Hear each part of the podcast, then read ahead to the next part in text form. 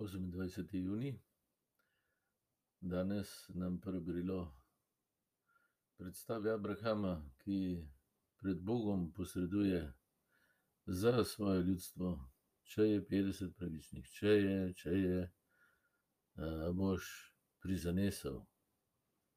No, potem ne upa reči, če je samo en pravičen, boš prizanesel. No, Bog pa v Jezusu točno to pokaže. Zaradi edinega pravičnega, ki je Jezus Kristus,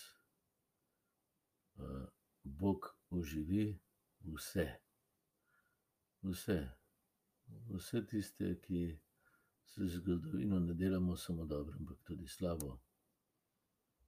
Zdaj ta naša hiperracionalna, humanistična kultura kaže tudi svojo negativno plat z neskončno kontrolo, nadzorom, uničevanjem, iztrebljanji in tako naprej. Človeka po človeku, seveda.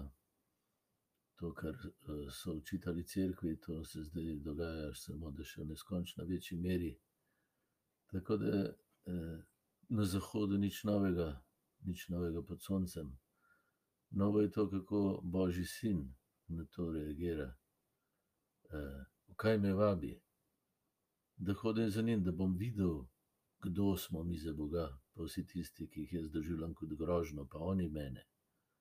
Da spregledam, da ne bom slep, goba, kruljev zaradi svoje sebičnosti in strahu zase. Ampak bom upal biti sin, brat. In svoje življenje, kolikor dni imam še tukaj na razpolago, podariti, pokazati, da nas Bog ljubi.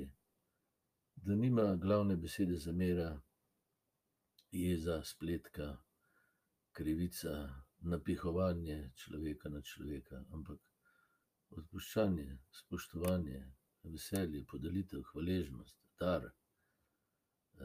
Zato me Jezus vabi: "Hodi za menoj, da boš imel pravo smer, da te nobeno zlo ne more zasužnjiti, ne tvoje ne bližnjih. Da te nobena slepota ne more oslepiti, ne tvoja ne bližnjih. Da te nobena smrt ne more spremeniti v zverino ali slabše od zverine, ampak v brata."